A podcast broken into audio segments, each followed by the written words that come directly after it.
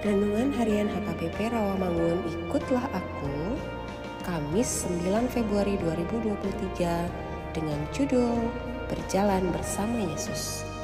Bacaan kita pagi ini tertulis dalam 1 Korintus 9 ayat 1 sampai 12 dan bacaan kita malam ini tertulis dalam 2 Timotius 4 ayat 1 sampai 8 dan kebenaran firman yang menjadi ayat renungan kita hari ini ialah 2 Samuel 22 ayat 31 yang berbunyi, Adapun Allah jalannya sempurna.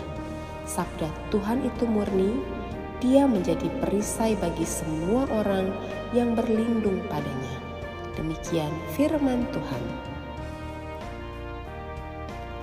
Sahabat ikutlah aku yang dikasihi oleh Tuhan Yesus Hidup orang percaya adalah hidup yang punya tujuan. Hidup orang percaya bukanlah sebuah tragedi sehingga harus melarikan diri, melainkan dijalani. Dalam siklus kehidupan, kita telah ditempa untuk memiliki cita-cita sejak dari kecil. Dengan didikan, kita diarahkan untuk melihat cita-cita kehidupan yang mulia.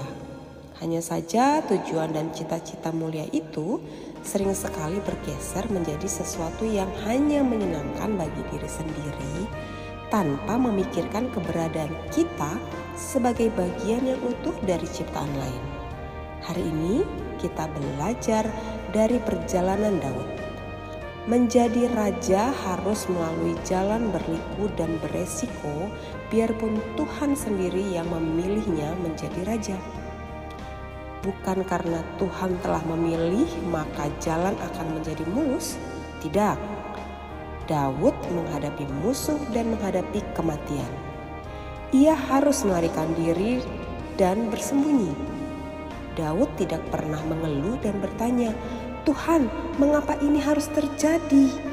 Bukankah Tuhan yang memilihku jadi raja? Tetapi mengapa harus begini caranya?" Dalam ketersakan, justru Daud berseru senantiasa meminta tolong kepada Tuhan. Karena dia tahu bahwa hanya Tuhanlah pertolongan dan perisainya. Sahabat ikutlah aku yang dikasihi Tuhan Yesus.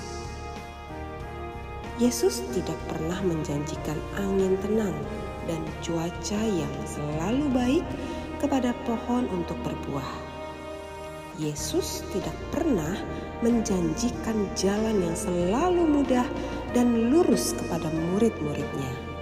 Namun, bukan berarti bahwa jalannya adalah kegagalan.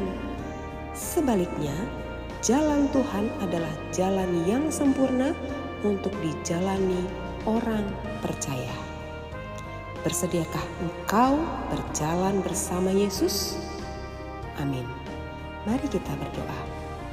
Ya Yesus Tuhan dan Juru Selamatku, tuntunlah aku dengan cahayamu, sehingga mataku selalu tertuju kepada terangmu di jalan kehidupan sementara ini.